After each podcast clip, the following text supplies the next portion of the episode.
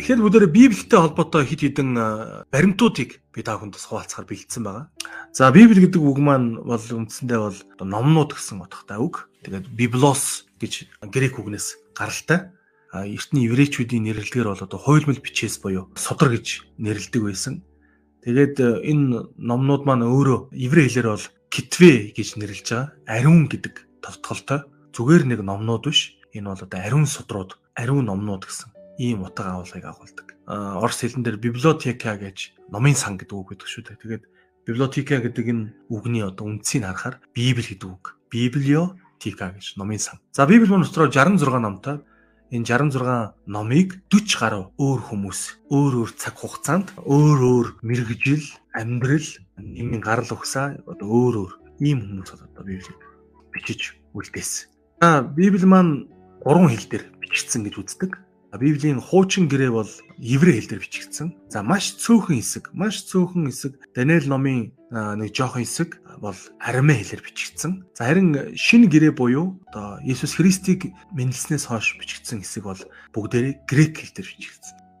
Библи судар маань зөвхөн Христэд итгэгчдийн хөлгөн судар гэж хэлэхээс гадна мөн юудын шашинтангуудын чухал судар За мэдээж бол одоо хуучин гэрээний номнууд бол өнөөдөр ч гэсэн дэлхийд бас маш хүчтэй олон сая хүн итгэдэг юудын шашны одоо үндсэн судар гэж явж байгаа. За Библийг э, манай эртний өмнөх 2 дугаар зууны үед бол хуучин гэрээний номнуудыг бол хамгийн анх грек хэл рүү орчуулж эхэлсэн байдаг. За тэгээд Septuagint гэж нэрлэдэг энэ грек Библийг манай эртний өмнөх 223 он гэхэд бол тэд э, уншиж судалж эхэлсэн. За ингэснээр Библийн итгэл маань зөвхөн еврейчүүд төдийгүй грек хэлтэй соёлууд руу нэвтрэх, хүрэх ийм үе таалга бол нээгдсэн гэж үздэг. Библи маань бол хамгийн анх грек хэл рүү орчуулагдаж байж За үүнээс хойш бол Библи маань латин хэл рүү орчуулагдсан. Манай эртний 300-аас 400-аад оны үед бол хамгийн анхны христэн сүмүүд яг энэ вулгар хэл гэж хэлж байгаа. Латин хэлэн дээр. Манай эртний 385-аас 405 оны хооронд гэсэн нэг 20 гаруй жил байгаа. Энэ хугацаанд бол Библийг бол латин хэл рүү орчуулсан баг. За үндсэндээ манай эртний 1500-аад он хүртэл буюу Мартин Лютерийн шинжлэлийн хөдөлгөөнийг далаацтайгаар эхлүүлсэн тэр он цаг хугацаа хүртэл Библи маань бол яг ийм гурван хэл дээр л үндсэндээ гэсэн үг. Одоо бүхлээрээ гэсэн үг те. Бүтэн Библи маань гурван хэл дээр л унших юм боломжтой байж. Еврей хэлтэй бол еврей хэл дээр, грек хэлтэй хүн грек хэл дээр, за тэгээд латин хэлтэй хүмүүс латин хэл дээр. За яагаад энэ 1500-аад он хүртэл Библийг дахиж өөр хэл дээр нь орчуулаагүй юм бэ гэдэг ийм асуулт гарч ирж байгаа. За энэ асуултын одоо гол шалтгаан бол Ромын католик сүм бол Библийг өөр хэл рүү зөвшөөрлгүйгээр ер нь Библийг зөвшөөрлгүйгээр олшруулах, орчуулах, хэвлэх ийм үйлдэлийг бол хориотой гэж тэ үздэг байсан. Библийг одоо хуулбарлаж бичдэг, хуйлмал бичээс буюу судруудыг хуульж бичдэг хүмүүсийг бол гүүш нар гэж нэрлэдэг. Тэгэхээр хамгийн анхны Библиэлд гарсан анхны гүүш нарын нэг бол Самуэль. Тэгэхээр Самуэль бол эзний өргөнд Бурхны үг энэ судруудыг бол хуулж бичдэг ийм үйлчлэлийг хийдэг байсан. Тэгээ Самуэлээс хойш бол маш олон гүүш нар буюу маш олон Библийг хуулбарлаж бичдэг хүмүүс бол байсан. Есүсийг ирэх үед бол бүр шашны нэг онцгой бүлгэн байсан. Тэгээд энэ бүлгэн бол эссенчүүд гэдэг бүлгэн. А фарисеучуд, садукеучуд, зилиот намынхнаас гадна эссенчүүд гэдэг ийм бүлгэн байсан. Эдгээр Библиэлд бичигдээгүй ч гэсэн маш олон археологийн олдор, түүхийн баримтаар бол ийм одоо шашны бүлгэн байжээ. За энэ бүлгэмийн гол зүйл бол тэд хүмүүсийн дунд орж Библийг зааж, номлохоос илүүтэйгээр хөнгүү газар даянчилж, ууланд, агуйд очиж бүгж амьдраад ингээд зөвхөн Библийг л олшруулж бичдэг ийм ажлыг хийдэг гэсэн юм байна. Яг Библи бүтнээрээ шавар ваарн дотор папирус цаас буюу одоо мууту цаасан дээр бичигдсэн хэлбэрээр олдсон ийм археологийн олдор бол олдож ирсэн байна. За үүнийг бол одоо Кумраны бичээс гэж нэрлэдэг. За энэ нь болохоор мөксөн тэнгисийн ойролцоо агуугаас бол энэ хөө одоо бичээсийг олсон байдаг. Тэгээд энэ бичээс олдсны нэг давуу тал нь юу гэхээр Кумраны бичээсийг судлаад ингээд ухаад үзсэн чинь тэр дотор бол Эстер номоос босод бол бүх номнууд тэр чавар баарнуудаас олдсон. 66 номны маань 65 ном нь бол олдсон гэсэн.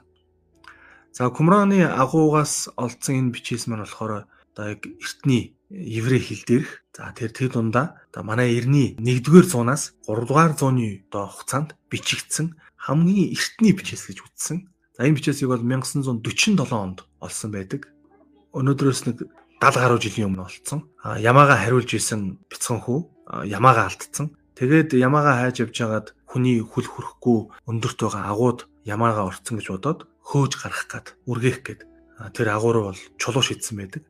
Ингээд чулуу шидсэн чинь ямар нэгэн зүйл хагарж байгаа чимээ гардаг. Нөгөө ямаачин хүмүүс маань бол хүмүүсийг дуудсан. За энэ агуур дотор бол ямар нэгэн зүйл байна гэх. За ингээд хүмүүс ирээд тэр агуугаас бол маш олон шавар ваарнуудыг бол олсон байна. Ингээд шавар ваарн дотор бол чийг уснаас хамгаалж тагалчихсан шавар ваарн дотор хуйлмал бичээсүүд олдсон. За тэгээд тэр хуйлмал бичээсүүдийг нарийн судлаад үзсэн чинь одоо Библийн канон гэж нэрлэдэг Библийн модал бичээсүүд байсан байдаг. Тэгээ олдох олдохдоо Библи бүтнээрээ олдсон нь христэгчдэд ямар гайхалтай урам зориг өгсөн бэхээр өнөөдрийн бидний гар дээр байгаа Библи судрал Бурхны өндөр зүгт нэлгээсэн загтал бүрэн бүтнээрээ байна гэсэн итгэл найдварыг бол төрүүлсэн байдаг. Энэ дашин бас нэг юм хэлэхэд католик Библи протестант Библиуд бол хоорондоо ялгаатай католик библийн хувьд бол хуучин гэрээ бол 46 номтой. Энэ маань юу гэсэн үг гэхээр бидний гар дээр байгаа 39 номноос гадна 7 ном нэмэлтээр байгаа гэсэн. За харин зүүнний үнэн алдартнуудын хувьд бол хуучин гэрээ ном нь 49 номтой. За ингэхээр үнэн алдартнууд 49 номтой, католикчууд 46 номтой, харин протестантууд буюу бидний библиэд бол 39 ном бол байгаад. Үүнээс гадна бол яг еврей библи гэж бас байдаг. За еврей библийн хувьд бол 24 номтой. За яагаад 24 номтой болчихвоо гэхээр нөгөө бидний 1-р Самуэль 2-р Самуэль гэдэг ном маань Еврей Библи дээрээ шууд Самуэль гэж номороо байж байгаа.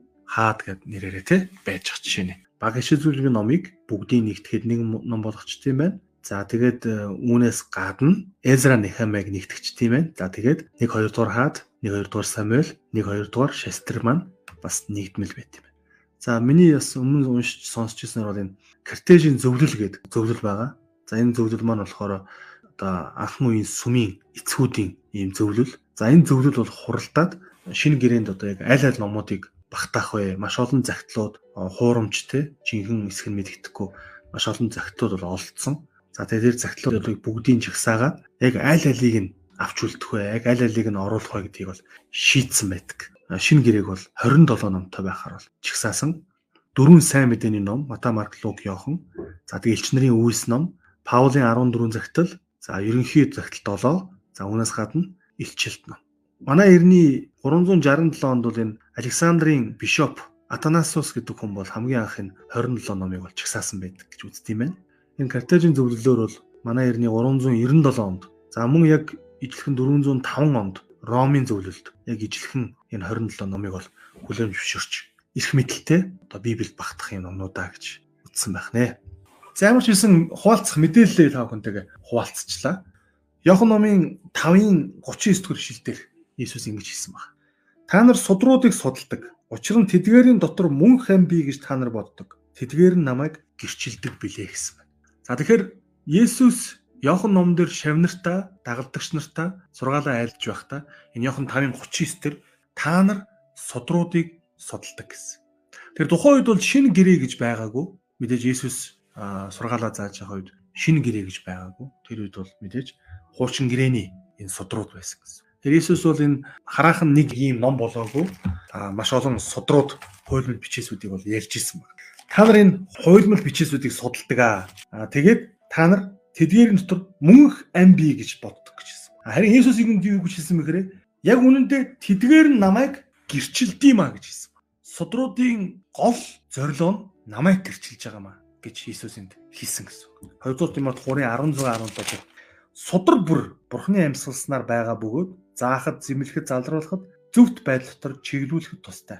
Энэ нь бурхны хүн аливаа сайн үйлд бүрэн бэлтгэгдсэн байхын тулд юм а гэж хэлж байгаа. Паул ч хэлсэн Тимотед хандар захил бичгтээ судар гэдэг үгийг хэлчихсэн. Тэгэхээр судар гэдэг энэ үг нь яг юу гэлж ийм нэхэр өнөөгийн бидний уншаад байгаа Библи хэлээг Содөр гэдэг нь юу хэлж ийм нөхөр тухайн үед шинэ гэрээний итгэгчдийн үед Есүсийн үед байсан тэрхүү хууль бичээсүүд буюу эртний номнуудыг хуучин гэрээний номнуудыг хэлээд байгаа. Тэгэхээр энэ судар бүр буюу Бурханаас илгээгдсэн энэ номнууд маань Бурханы амьсгалснаар буюу Бурханы хүслээр Бурханы дуу хоолоогоор Бурханы үгийг бидэнд дамжуулж байгаамаа. Энэ нь зааж зэмэл залруулж зүвт байдал дотор биднийг чиглүүлэх гол зорилготой юм а гэсэн. Яг номын 3:16 дээр Бурхан ертөнцийг үнэхээр хайрлсан тул цорын ганц үгөө өгсөн. Ингэснээр хүүд итгэгч хинч мөхөхгүй харин мөнхийн амьтаа болно байна. Харин Есүсийн яг тэр үгээ давтаад юу гэж хэлсэн бэ гэхээр Иохан номын 5:24 дээр үннээр үннээр би та нарт хэлье. Миний үгийг сонсоод намайг илгээгч түүнд итгэгч нь мөн хамтаа болох бөгөөд яллагдахгүй. Харин үхлээс өнгөрч амь руу шилжвэ гэсэн. Миний үгийг сонсоод итгэгч хүмүүс бол мөн хамт болно. Яллагдахгүй гэсэн. Үгийг нь сонсоод итгэнэ гэж хэлж штэ. Есүс итгэнэ гэдэг нь юу гэсэн вэ? Есүсийн хэлсэн үгэнд нь итгэнэ гэсэн үг. А үгэнд итгэнэ гэдэг нь юу гэсэн вэ? Тэр үгийн дагуу амьдрахыг хэлж байна.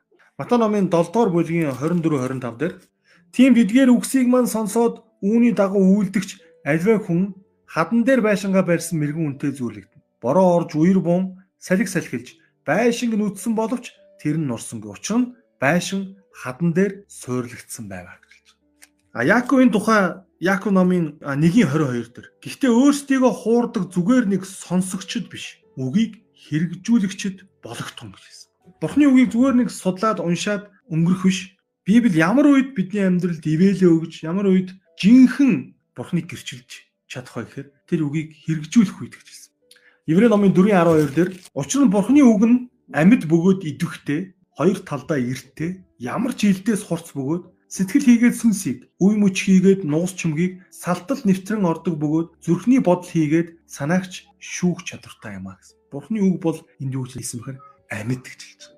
Энэ бурхны үгийг зүгээр нэг уншия гэдэг төлөвөөр гаргаж ирсэн бол энэ амьд үгтэй харилцах ийм зориг төлөвөө гаргаач гэж уриалж байна. Бурхны энэ амьд үгтэй яаж харилцах вэ? Ямар нэгэн зүйлийн үн цэнийг мэдэхгүйгээр түүнийг хайрлна, түүнд дуртай байна, түүнийг эрхэмлэж нандинна гэж байхгүй. Библи гэдэг судар таны гэрийн номын санд эсвэл ширээн дээр чинь тоосон дарагдаал хэвтэж байдаг ном уу? А эсвэл үнэхээр өдөр болгон уншиж судалж дээр нь зурж тэмдэглэж өдөр болгон тунгаан бодож бясалгаж нулимсэн дээр нь тусдаг эргүүлсээр хагаад те хуудасных нь эргүүлдэг тэр хэсэг нь имэрсээр хагаад нугларж өвчлөөстөж хониролдсон үнэхээр утга учиртай цаг заваа зориулдаг ийм ном уу. Энэ бол бидний бас өөрсдөөсөө асуух хэрэгтэй асуулт.